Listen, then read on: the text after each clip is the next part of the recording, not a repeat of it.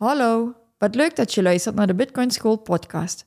Voordat de les begint, willen wij nog even onze disclaimer opnoemen. De podcast en onze website zijn geen financieel advies en enkel bedoeld voor algemene informatiedoeleinden en entertainment.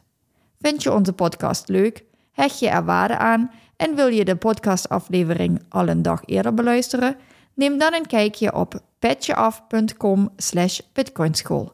Alvast bedankt en dan beginnen we nu aan de les.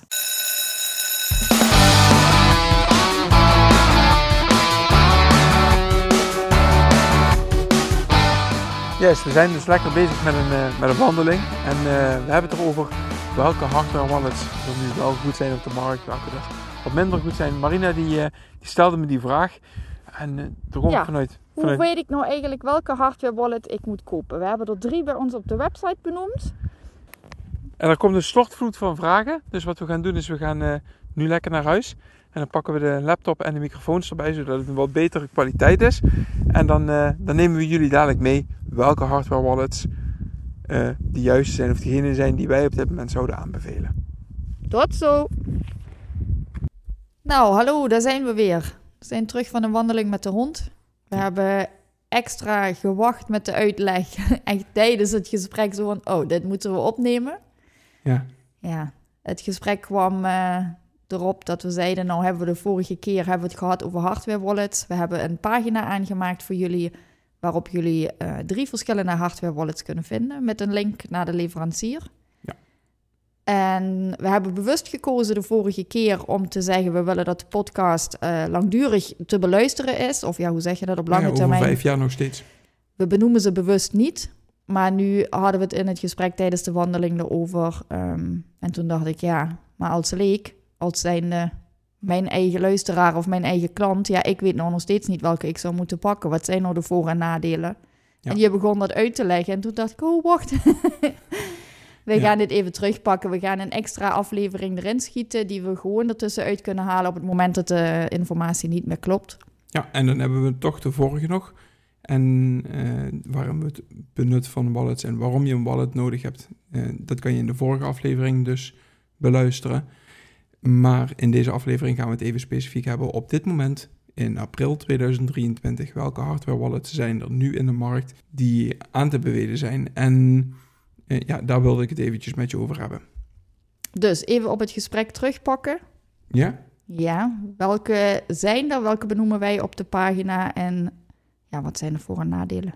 Ja, allereerst, nou ja, we zijn net een paar weken geleden begonnen met Bitcoin School. Er zijn redelijk veel hardware wallets zijn er beschikbaar, veel verschillende. En ik heb niet ervaring met alle. Um, dus ik kan ook niet over alle wat, wat noemen. Dat is wel iets wat we in de komende aantal maanden en komende, komende aantal jaar gaan uitbreiden en gaan verbeteren.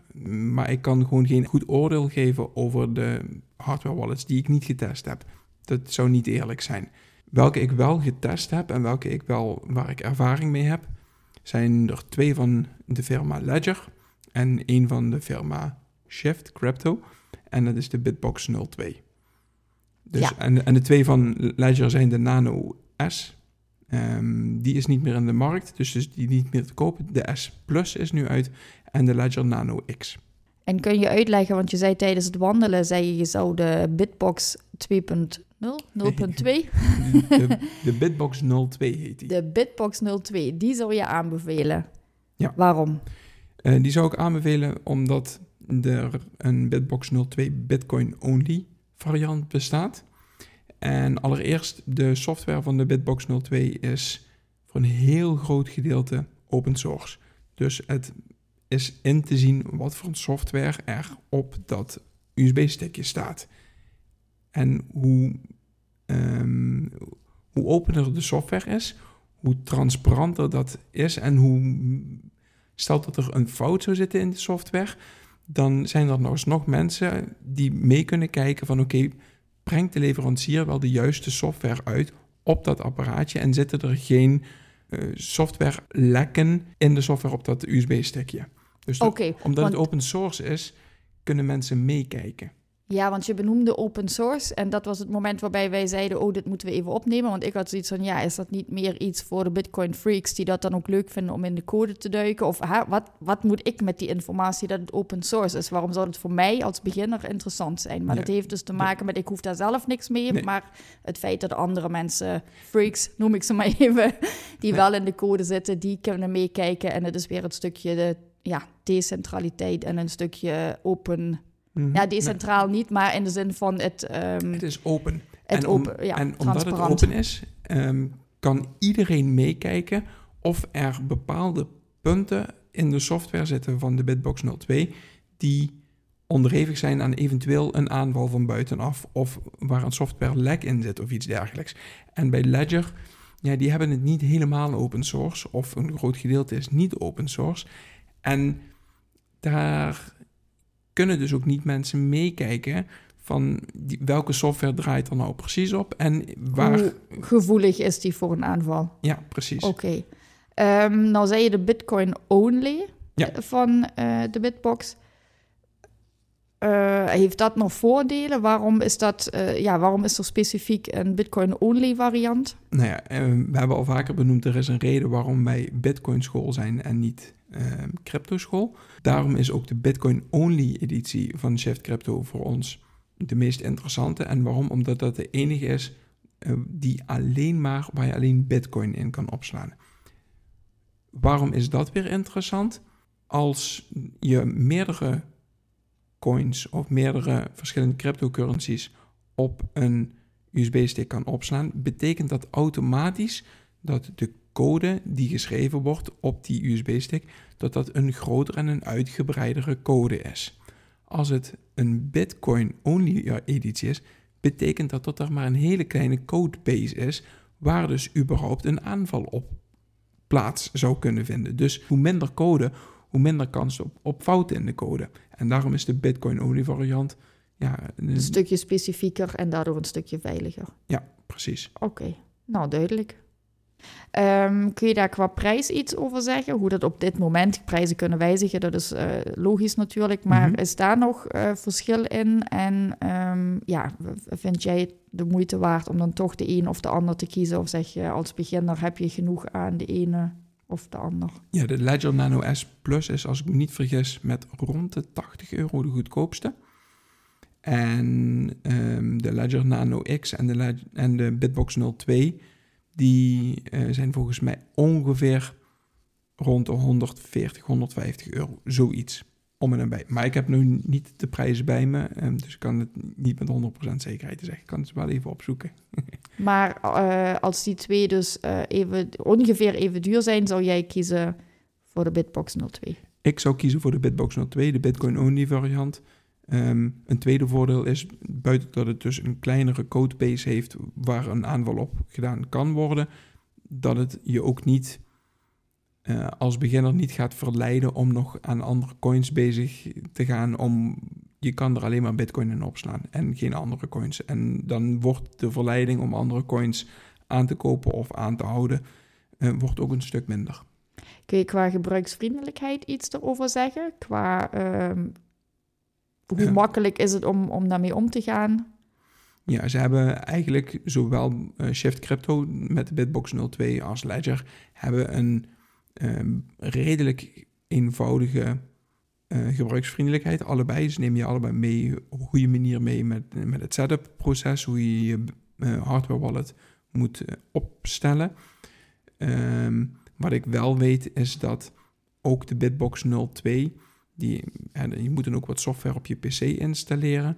Die kan bijvoorbeeld wel met een, ah, nou gaat het wat technischer worden, maar die kan je met je eigen node verbinden. En bij Ledger gaat dat niet.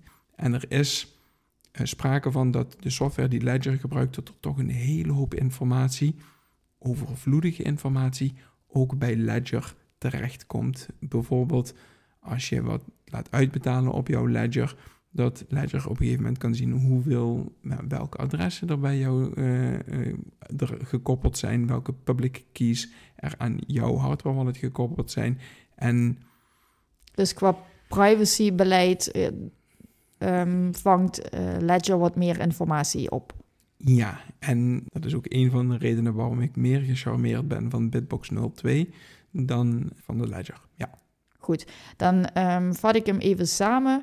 We hebben op dit moment uh, bij ons op de site drie verschillende modellen. Dat zijn de modellen die jij kan aanbevelen omdat je daar op de een of andere manier ervaring mee hebt. Mm -hmm. Er zijn natuurlijk nog een stuk meer. We gaan dat ook verder uitbreiden. We gaan nu uh, nog meer um, van die hardware wallets aanvragen bij de leveranciers om ze ook te testen, zodat wij ook onze site natuurlijk actueel houden en steeds meer kunnen uitbreiden. Ja. Um, en uh, nou ja, goed, als beginnersmodel voor rond de 80 euro heb je de Nano S Plus van uh, Ledger. Ja. Als uh, goedkope instapmodel. En mocht je iets meer willen en op je privacy gesteld zijn en de Bitcoin-only um, ja, filosofie willen aanhouden, dan adviseer jij op dit moment de Bitbox 02. Van Shift Crypto. Ja. Van Shift Crypto. Ja. ja, daar moet ik nog een beetje aan wennen. Dat is voor mij ook allemaal nieuw. Ja. Vat ik hem voor de rest goed samen? Ja, nee, inderdaad. Uh, ja, misschien tot nog, om toch nog heel even terug te komen, het verschil tussen de Ledger Nano S en de Ledger Nano X. De S heeft geen batterij, de X heeft een batterij. En de S moet je dus echt op je PC of op je telefoon aansluiten met een kabeltje, want anders krijgt hij geen stroom. De X heeft dus wel een batterij en heeft ook Bluetooth-verbinding, dus je zou een transactie kunnen starten via met een, of een transactie kunnen doen gekoppeld aan een uh, telefoon zonder dat je er een kabeltje tussen hebt, dat je een, via een Bluetooth-verbinding de transactie het netwerk instuurt. En bij de Ledger Nano S heb je dus een kabelverbinding altijd nodig tussen jouw PC en de Ledger Nano S. Maar dat is dan puur uh, praktisch, je moet dan dat kabeltje altijd bij je hebben. Ja, als je een transactie wil doen, heb je wel een kabeltje nodig. En dat heb je kabeltje heb je niet nodig als je de Ledger Nano X gebruikt. Oké. Okay. Stukje gebruiksvriendelijkheid en gemak. Ja. Oké. Okay. Ja, dan zou ik zeggen, dat was het gesprek uh, afgerond van de wandeling. Ja, precies. Die schieten we even ertussen in, tussen onze afleveringen. Dus dan gaan we de kopen aflevering, die komt dan de volgende keer. Uh, en deze komt nog tussen de bewaren en de kopen in. Ja. Nou, goed. dan tot de volgende keer. Doei doei. Bedankt voor het luisteren van deze les. Je kan onze podcast beluisteren via Spotify, Apple Podcast, YouTube en alle andere grote podcastplatformen. Wij zijn ook actief op Twitter en Instagram. Daar kun je ons bereiken. Heb je dus vragen of opmerkingen? Stuur ons dan een berichtje naar bitcoinschoolnl op Twitter of Instagram. Goedjes en graag tot de volgende les.